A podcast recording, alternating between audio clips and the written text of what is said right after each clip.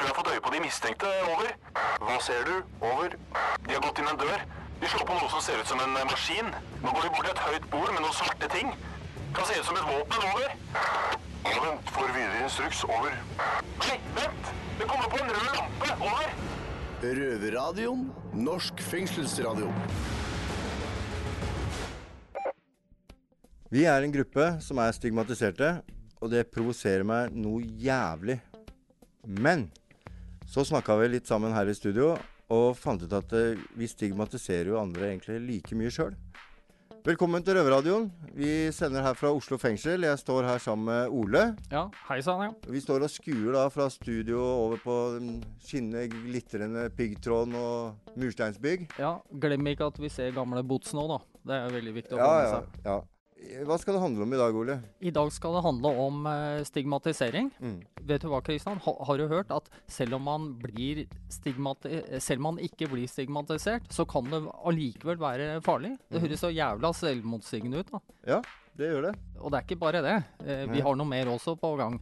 Vi skal også høre hvordan stigmatisering blei en skår i gleden for Maria Navarro Skavanger Mm. når hun debuterte som eh, forfatter. Dritkjipt. Ja. Og så skal vi da finne ut av hvor stigmatiserte eh, innsatte i norske fengsler eh, føler seg.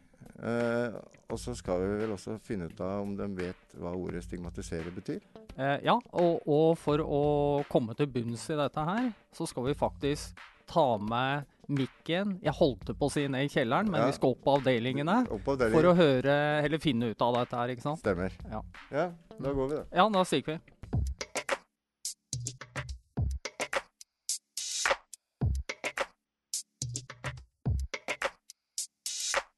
Det var stigmatisering.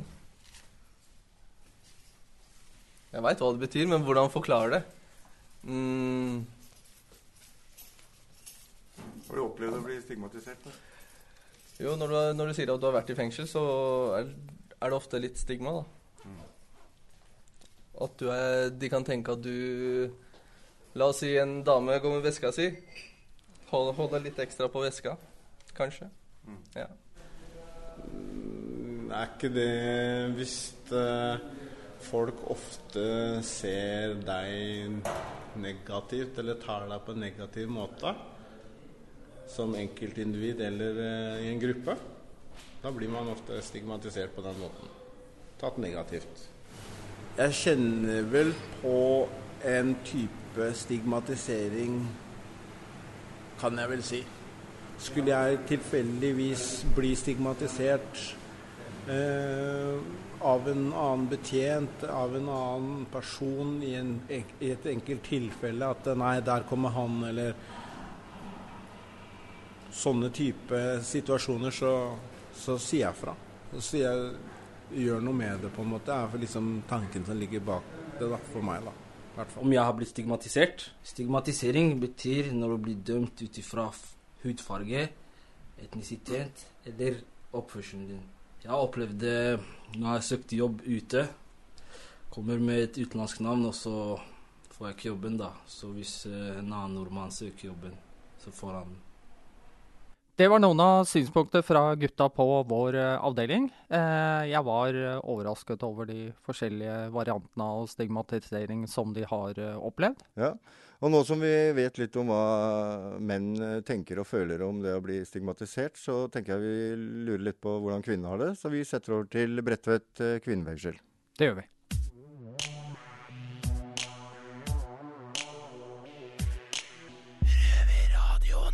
Du, Tina. Ja, Maiken? Vi har fått et spørsmål her.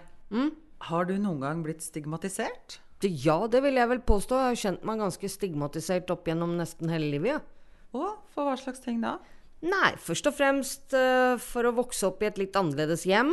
Uh, så seinere, som rusmisbruker, blir man jo fryktelig stigmatisert. Og jeg kan ikke si jeg har kjent meg igjen i mange av de vrangforestillingene som, som fins rundt uh, det å være avhengig av, av eh, rus.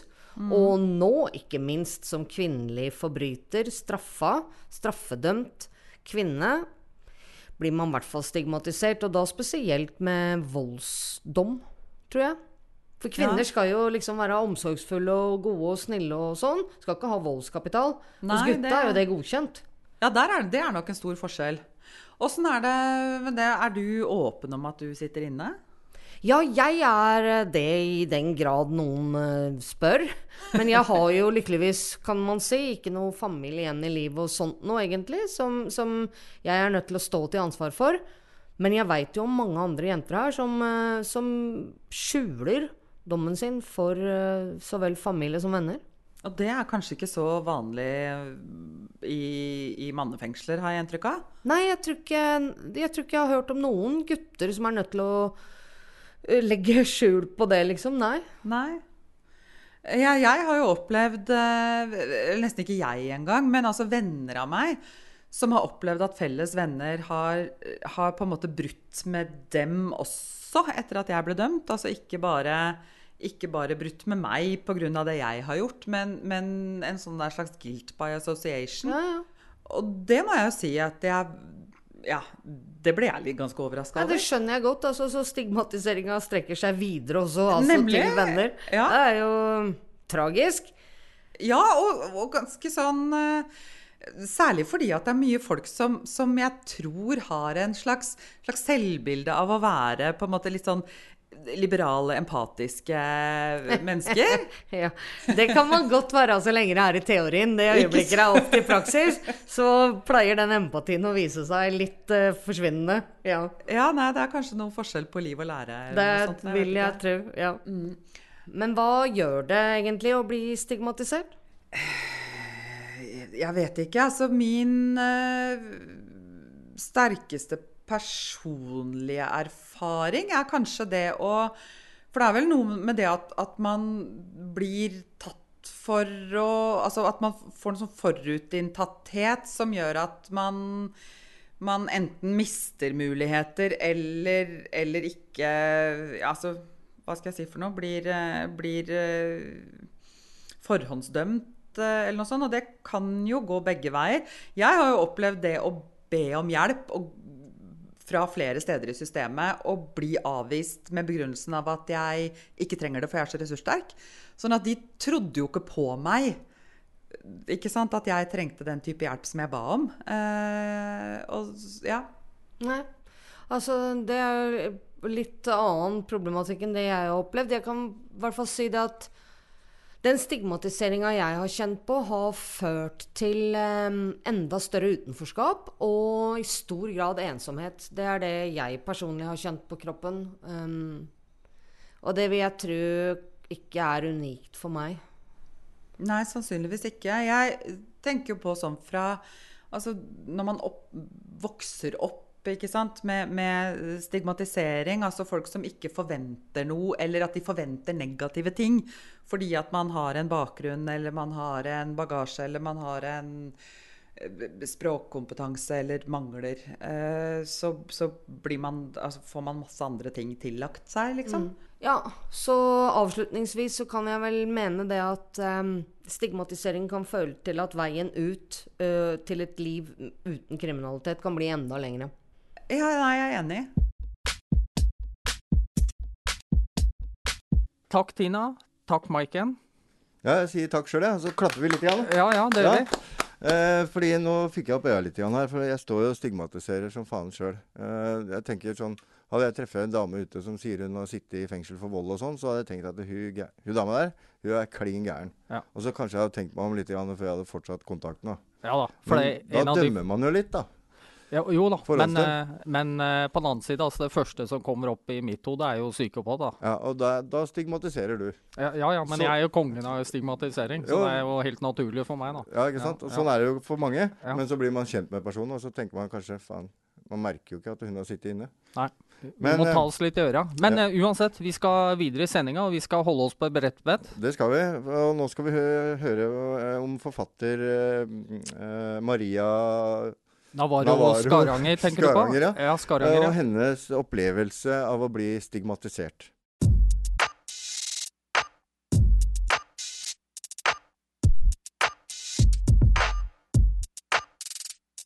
Ja, det er veldig reduserende.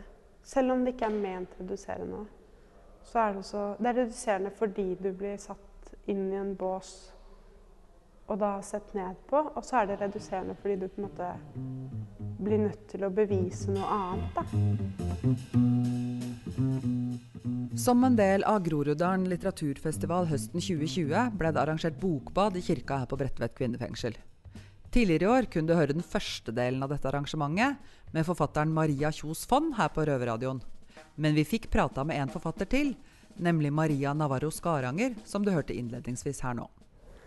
Jeg har skrevet Det er to år siden nå, men jeg har skrevet en roman som heter 'Bok om sorg fortellingen om Nils i skogen'.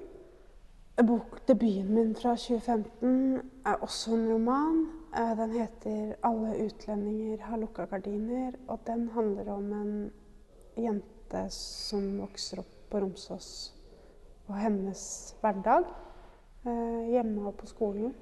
Eh, og så er den skrevet på slang.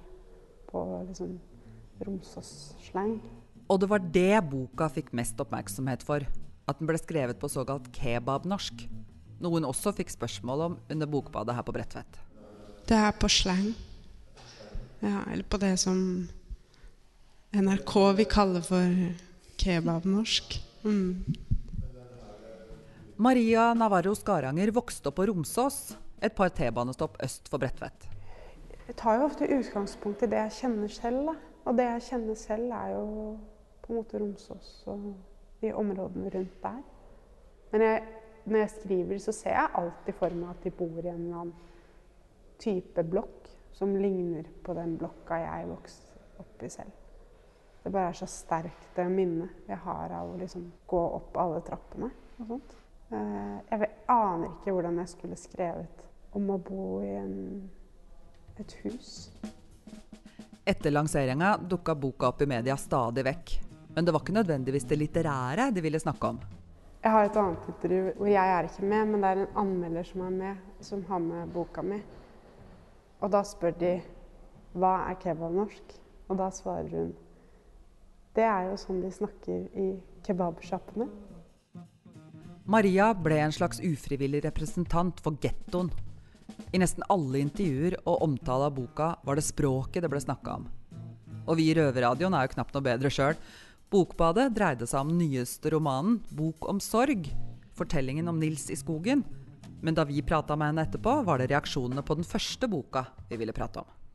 Så det det er alltid sånn når NRK kommer og så De må liksom forklare det så veldig, da. Eller sånn lage sånn Så må de spørre noen ungdommer fra Stovner, og så.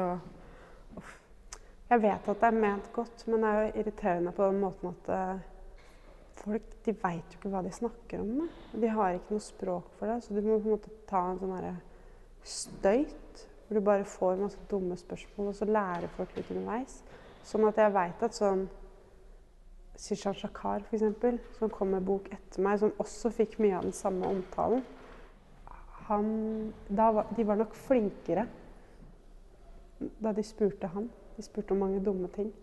Men uh, med meg så det derre at de snakker keb ikke kebabnorsk, men kebabnorsk i kebabsjappene Jeg visste ikke at det var mulig å si engang. Men hva er det egentlig som er så provoserende med at folk er opptatt av språket? Jeg blir provosert over å bli så båssatt.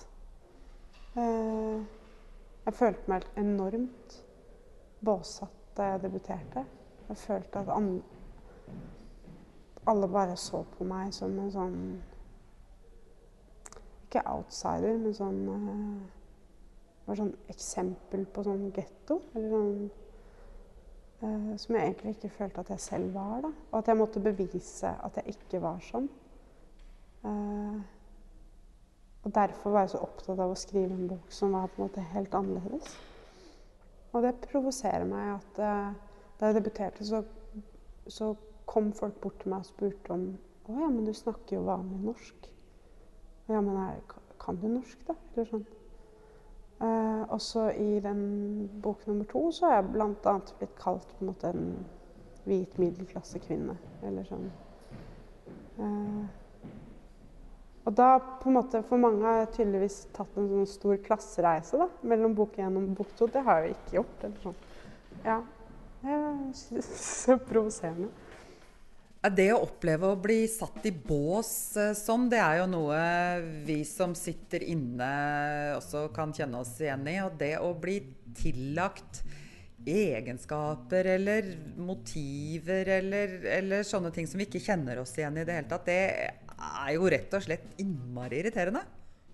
Ja, det er veldig reduserende. Selv om det ikke er ment reduserende. Så er det også Det er reduserende fordi du blir satt inn i en bås og da sett ned på. Og så er det reduserende fordi du på en måte blir nødt til å bevise noe annet. da. Og at du da også liksom fortrenger noe i deg. Du går så langt da, i det der at du skal bevise at du er noe annet. eller sånn. Ja, nei, det syns jeg er, er veldig vanskelig. Og det er én ting er sånn det er. Det er liksom Det er jo bare sånne småting. Eh, men på et eller annet tidspunkt så blir det sånn vanskelig eksistensielt. Og det blir som man tenker på hele tiden. Eh, For meg i hvert fall. Ok, nå som vi har fått uh, satt skapet på plass litt her, så lover vi Maria Navarro Skaranger neste gang vi i Røverradioen prater med deg, så skal vi snakke om den nyeste boka di.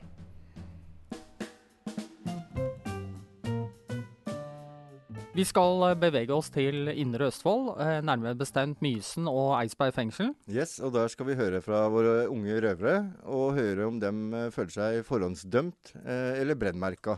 Det hørtes da voldsomt ut. Er brennmerka. Hvor du har fått det fra, Ja, ja, nei, jeg bare leste definisjonen på, på stigmatisering på nettet i stad. Aha, ok. Yes, da skal vi høre hva de gutta har å si. Det skal vi. Vær så god, Eidsberg. Ja, gutta. Alle vi som sitter her, har blitt dømt. Og vi har jo også blitt eh, forhåndsdømt. Ja. Og vi sitter her i Eidsberg fengsel. Jeg har Tito med meg på min høyre side, og Daniel på venstre. Oui, oui, oui. Så jeg har et par spørsmål. Har dere opplevd at dere har blitt eh, stigati stigamisert? Stig dømt, fengsel? stigma. Stigma. Tisert. Stigmatisert. Ja, jeg Har dere opplevd at dere har blitt stigmatisert? Det er mye hva som tenker på innenfor fengselsmurene, liksom. Ja, ja. Ja, man blir stigmatisert av betjenter og så videre.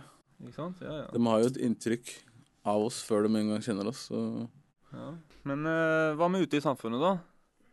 Ja, du har jo rasisme og litt i forhold til hvor man er fra, hvor man vokser opp. Mm. Så er det en del stigmatisering der òg. Spesifikt hvilket område du er fra, om det, er, eh, om det skjer noe kriminal der, eh, nei, kriminalitet, da. Så er alle kriminelle. Det Kanskje det er på tide med kommunale boliger oppå Holmenkollen. Ja, det, det, det hadde vært noe. Altså. Det, ja, det, er- det er på tide. Den, den utsikten mot Oslo. ja, har dere følt dere at dere har blitt dis, eh, stigmatisert så mye at dere lever dere inn i rollen som eh, Ja, da jeg tenker på- på det på det i ettertid, da. Jeg, det, man har følt det nesten hele livet, da. Jeg er jo født her, så jeg, jeg tar det ikke Jeg tar ikke, jeg, jeg tar ikke det så så personlig da, som kanskje en annen person hadde tatt. Uh, F.eks. fra vestkanten, da. Mm. Jeg, jeg gir bare blanke faen, som eh, vanlig. Så Føler du at eh, den stigmatiseringen har gjort deg til den du er i dag? Nei, jeg, jeg skal ikke legge skylda på det, men eh, jeg Om eksempel de sier jeg er kriminell, jeg, jeg gir faen. Greit. Da- det da- da er du kriminell, da. Det er ikke, det, da, da får jeg være de, de ditt hode, ikke sant. Mm. Jeg d- driter i det, for å si det sånn. Det er ikke noe, det er ikke noe som uh, plager meg på en måte. Du er kanskje litt hard i huden, men det er sikkert mange som uh, føler på det, da. Hvis vi ser på den rasismen Den, jeg, jeg bro. Du går inn på den der, da? Jeg går all in, bro. Selvfølgelig. Den, eh, den, den lar jeg ikke gå, men det med at eh, Det med kriminalitet eller eh, Det er sånne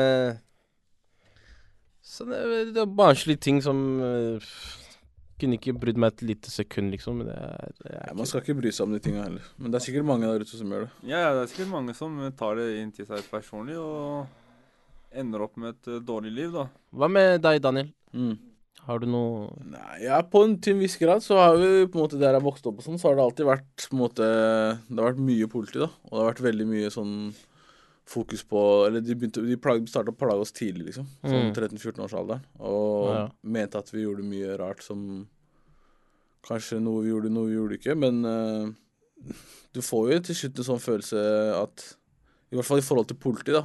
Når de allerede mener at du kommer til å gjøre sånne ting, så det er kanskje en liten katalysator for å få deg til å gjøre ting, da. Men det er jo dem som har bygget den eh, Den eh, Den tilliten da mellom oss og politiet. da, Det, det er jo dem selv som har eh, Men før i tida var det litt annerledes, faktisk. Når vi var yngre, så bare sånn Hver gang politiet kom, så var det som de kasta opp til veggen og ransaka deg. Og, og da var det snakk om vi var under 15 år, liksom. Og det var alltid sånn fu- full sjekk og hvor skal dere og hele pakka, liksom. Og til slutt Du er jo eldre enn meg, så, men eh, jeg, jeg mener det fortsatt er sånn. Altså. Det er sikkert så mange steder, eh, ja, ja. Nå det er enda verre. Det er eh, Det er eh, kle av det, liksom. Det er, det er ydmykelse. At De liker eh, å ha ja. den kontrollen liksom over mennesker, da, føler jeg. Når det gjelder eh, stigmatisering på andre steder, da, som utesteder, eh, kanskje fine restauranter folk ser rart og sånne ting, har dere følt det, eller? Jeg har kanskje følt det mer på for eksempel øh, på Tøyen, da, hvis vi skal gå og sette oss i den baren på Tøyen. Mm. Det er mer sånn ja, du drikker ikke øl, hvorfor er du her? Selv om jeg betaler for å kjøpe meg en cola og skal Ja. spille biljard, ikke sant.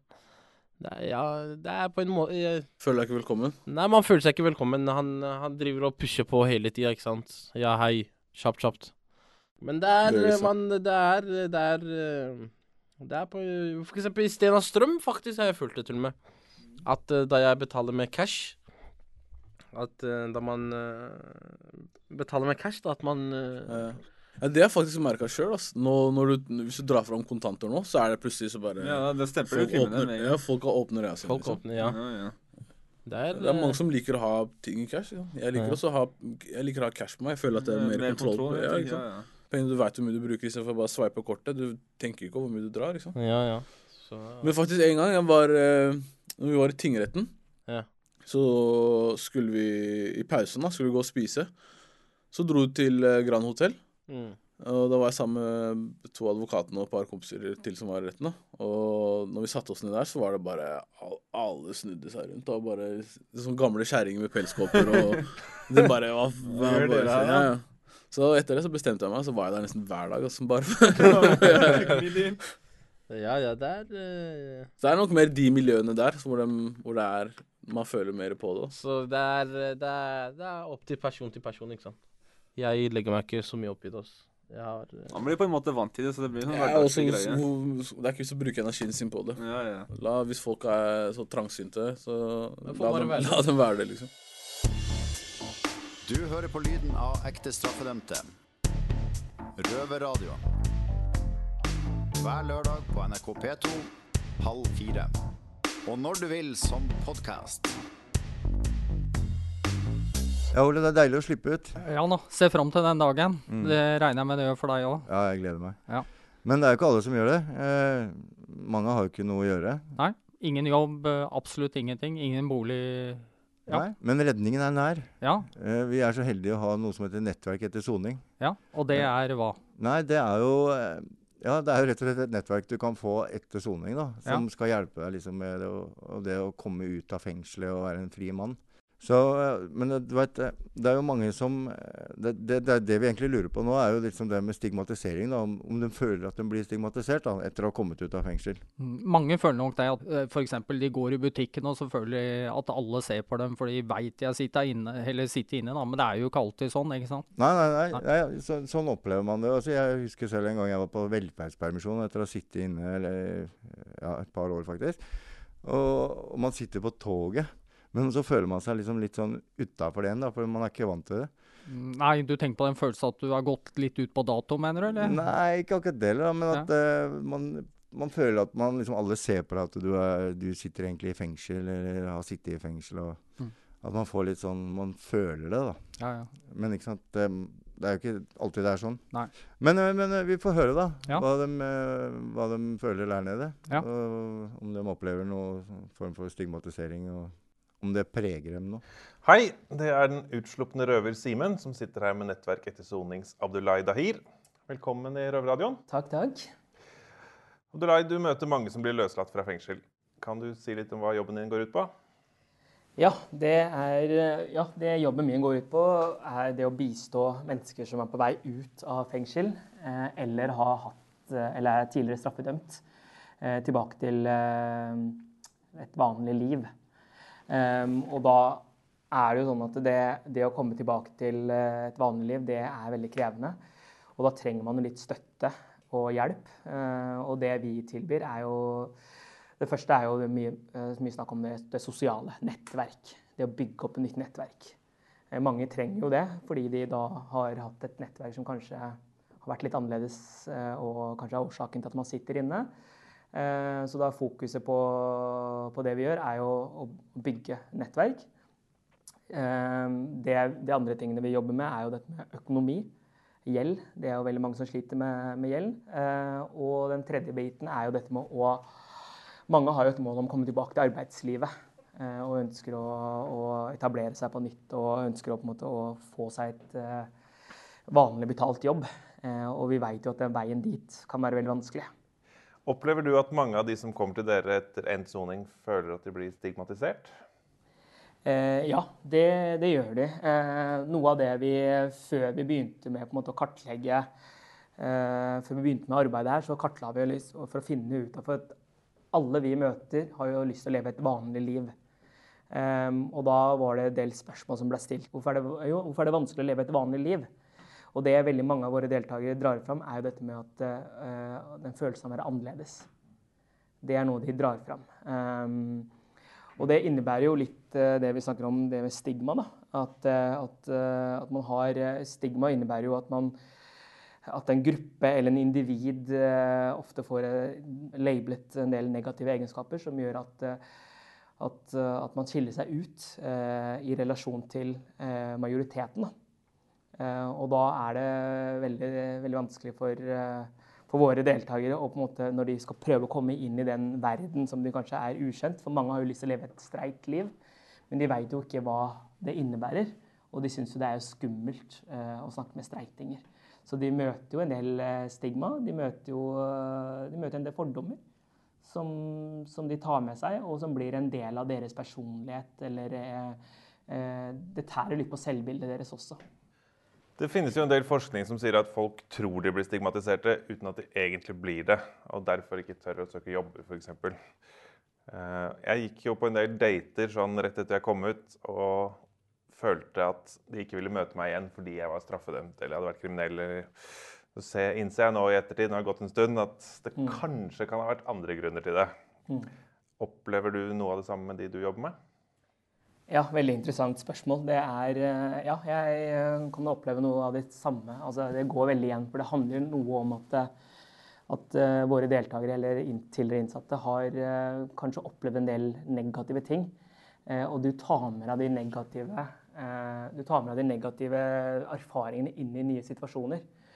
Og man bruker kanskje også de negative tingene som en sånn forsvarsmekanisme, eller at man tolker situasjonen det er pga. jeg er tidligere straffedømt, så kan det hende at det kanskje ikke er det. Eh, men du har opplevd så mye negativt at da blir det litt sånn eh, Det er vondt å gå inn og tenke sånn Jeg ble avvist. Mm. Eh, andre grunner. Det er lettere å blame eh, bakgrunnen sin. Eh, fordi det er rett og slett Man tror kanskje at det er det. Det vet man jo, jeg jeg også, i forhold til f.eks. avhengighet. Da, mm. At avhengigheten er med på å forme mm. Altså rusavhengighet er med å forme tankegangen din. Og at det kan nærmest være sånn fristende å gi opp ved første hinder. Fordi avhengigheten roper på at du skal gjøre noe annet enn det fornuftige. Mm. Hvordan eh, kan det at man tror at man blir stigmatisert, være et hinder for å komme tilbake til samfunnet? Eh, Det jeg eh, ser, er jo at veldig mange trekker seg litt tilbake igjen. Man, eh, man gir opp litt. Man har ikke lyst til å prøve. Man, man har kanskje dårlig selvtillit og selvfølelse. At man trekker seg litt tilbake igjen fordi det blir veldig ubehagelig for veldig mange. Og da ender det opp med at de kanskje isolerer seg, eller oppsøker andre miljøer som på en måte, hvor de slipper nettopp dette med å, måte, å tolke og tenke er det fordi jeg er sånn eller sånn. De vil heller oppsøke miljøet hvor, hvor der er det ikke rom for eh, alle er litt like som meg, og da trenger jeg ikke jeg tenke så veldig mye på det. Så, så, og da gir man jo litt opp også ved å prøve, fordi man tenker at jeg, jeg får jo ikke jobb, eller jeg, ingen vil ha meg, vil, ingen vil date meg fordi jeg har jo ingenting å tilby, eller jeg er kriminell. Og så gir man opp, og så veit man jo ikke at folk flest har jo, får jo avslag. altså Man kan være på 100 date og kanskje fått ett napp, eller altså whatever. Det, men, men man har kanskje ikke Kanskje har man ikke snakka med nok folk som har prøvd det eh, oftere enn deg. ikke sant? Man bare kanskje innbiller seg og tror det, og, og har følelsen av at det, det nytter ikke. Det letteste er å gi opp noen ganger. Ofte. Eh, Har du opplevd at noen av de som har kommet ut av fengsel, som du har med å gjøre, faktisk har blitt forhåndsdømt? Ja. Et eksempel som jeg vil eh, dra fram, er jo eh, dette med mm, en deltaker som har fått seg endelig jobb. Um, og så har det forsvunnet en ting altså på arbeidsplassen. Um, og da kanskje om det var mobil eller hva det var for noe. Det var noe som har blitt borte. Um, og da er det veldig fort gjort at den, den, den personen jeg har vært i kontakt med, tenker nå tenker alle at det er meg. Mm. Fordi jeg har den historikken jeg har. ikke sant? Jeg har, vært, jeg har sittet inn, jeg har vært, er krim, eller har vært kriminell, ekskriminell. Og da tror alle at det, at det er meg. Eh, men ingen sier noe. Det bare føles ikke sant, eh, at det er meg. Eh, og da har man kanskje behov for å på en måte si at det ikke er deg. Eh, overbevise andre at det ikke er deg. Ikke sant? Da virker Og man ekstra skyldig. Og da virker man ekstra skyldig. Ikke sant? Og da tenker man oi, kanskje er det deg. Ikke sant? Så, så sånne situasjoner har eh, våre deltakere vært borti. Eh, en annen ting kan jo være dette med å komme i en eh, matbutikk eller en klesbutikk eh, og så handle klær eller mat, og da er det kanskje en betjening eller noen andre som følger etter deg fordi man skiller seg litt ut. Og da eh, kan det hende at det, det, føles som at det blir fullt, men så kan det hende at det er tilfeldig at vedkommende skal dit akkurat i den situasjonen når du kommer inn. Men det føles som at oi, nå skal den personen passe litt ekstra på meg. Eh, og da har man jo innbilt seg selv at det er det. Man tolker situasjonen det. Nettopp fordi sånne ting er så veldig subtilt. Det er, det er rett og slett bare ting man føler, og så tror man det. Og så, og så går man rundt og tenker at eh, nå tror alle at jeg stjeler. Og noen situasjoner så er det noen som sier også at eh, vet du hva, nå tror de at jeg stjeler. Fuck it, jeg gjør det. Jeg stjeler. Bare for å bevise. Ikke sant. Uh, ja. Det er en skikkelig tilbakeføringsfelle. Ja. Jeg kjenner meg igjen i det. Mm. Gir dere noen råd til hvordan man skal takle den situasjonen? Eh, ja og nei. Altså, eh, ja, jeg gir jo litt råd, og det er jo egentlig det å måtte, eh, kjenne på litt følelser. Kjenne på øh, hvorfor tror du at andre tenker at det, det er du som har tatt eh, mobilen. Hvorfor tror du det? Eh, Har folk sagt det? Er det noe du innbiller deg? Har du hørt at noen har sagt at det er du som har tatt Har du blitt, eh, blitt konfrontert med det? Eh, hvis ikke, så, så tenker jeg jo at, eh, at, eh, at, man ikke, at man skal la være å tenke på, på det inntil at noen sier noe eller spør deg om, om noe. Og hvis du på en måte er så usikker, så går det an å alliere seg med en kollega som man kanskje er trygg på. Forhør deg med vedkommende. Du, hva har skjedd med mobilen? Hva tenker du om det? Hva, hva er det folk tenker? Bare for å dobbeltsjekke om noe av dine tanker stemmer med, eh, overens eh, med, med virkeligheten. Eh, og hvis den vedkommende sier at nei, vi veit jo ikke det, men, men det går noen kanskje rykter om at det kanskje kan være deg, så, så kan, har man jo kanskje behov for å si fra eller, eller, eller forsvare at det ikke er deg. Men du trenger ikke å forsvare deg uten at det, det har kommet noe konkret. da. Det er jo kanskje noen eh, potensielle arbeidsgivere som hører på oss nå. Har du noe å si til folk som er redde for å satse på tidligere straffedømte? Jeg tenker absolutt. eh, her må man jo se forbi dommen, forbi straffen. Altså, men se egenskapene til den enkelte. eh, fordi at et menneske er så mye mer enn sine handlinger. Um, og sats på de menneskene som, eh, som er motiverte og har lyst til å gjøre en forskjell.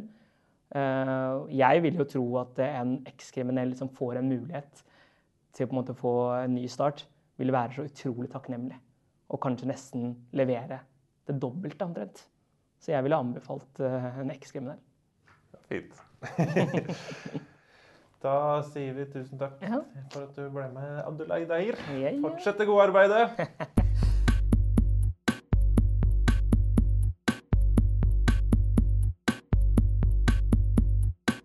Ja, da nærmer vi oss slutten her, eh, Ole. Ja, det gjør vi. Hvordan eh, opplevelser, eller hva sitter du igjen med etter denne den sendinga her? Jeg sitter igjen med mye, kjenner jeg. Eh, ja. Eh, lært mye og egentlig fått litt selvransakelse på mange måter. Spesielt eh, egenstigmatisering. Kanskje vi skal være enige om at eh, vi bør tenke oss eh, godt om før vi dømmer folk og rett og slett stigmatiserer noen? Ja, jeg er helt enig. Selv om man ikke vil skade noen, så kan det jo skade likevel. Ja, og ikke bare det. Det ligger veldig ubevisst også, tror jeg, Mm. hos mange. da. At man stigmatiserer egentlig uten å faktisk være klar over det. Ja. Hva skal du på cella, Ole? Jeg skal faktisk se på nyheter. Normale nyheter. Normale nyheter, ja. ja. Jeg skal se en film, slappe av, kulen helt ned. Ja, slappe av. Ikke koke lapskaus som eh, du vanligvis gjør. Det blir det. Det er regnet Ja, det ja. blir det. Hæ? OK. Ja. Hvor kan du høre oss? Du hører oss på P2 hver søndag halv ni. Eh, og eh, på podkast, selvfølgelig. Når du vil, hvor du vil. Ja. Hvis du ikke er i fengsel. Ja. Ha det! Ha det! Det har vært stille fra over en time. Hva skjer? Over. Det er bare et radioprogram. Det er lettere å høre på dem der. Over. Ja, vet du når det går da? Over. Det er samme tid og samme sted neste uke. Over.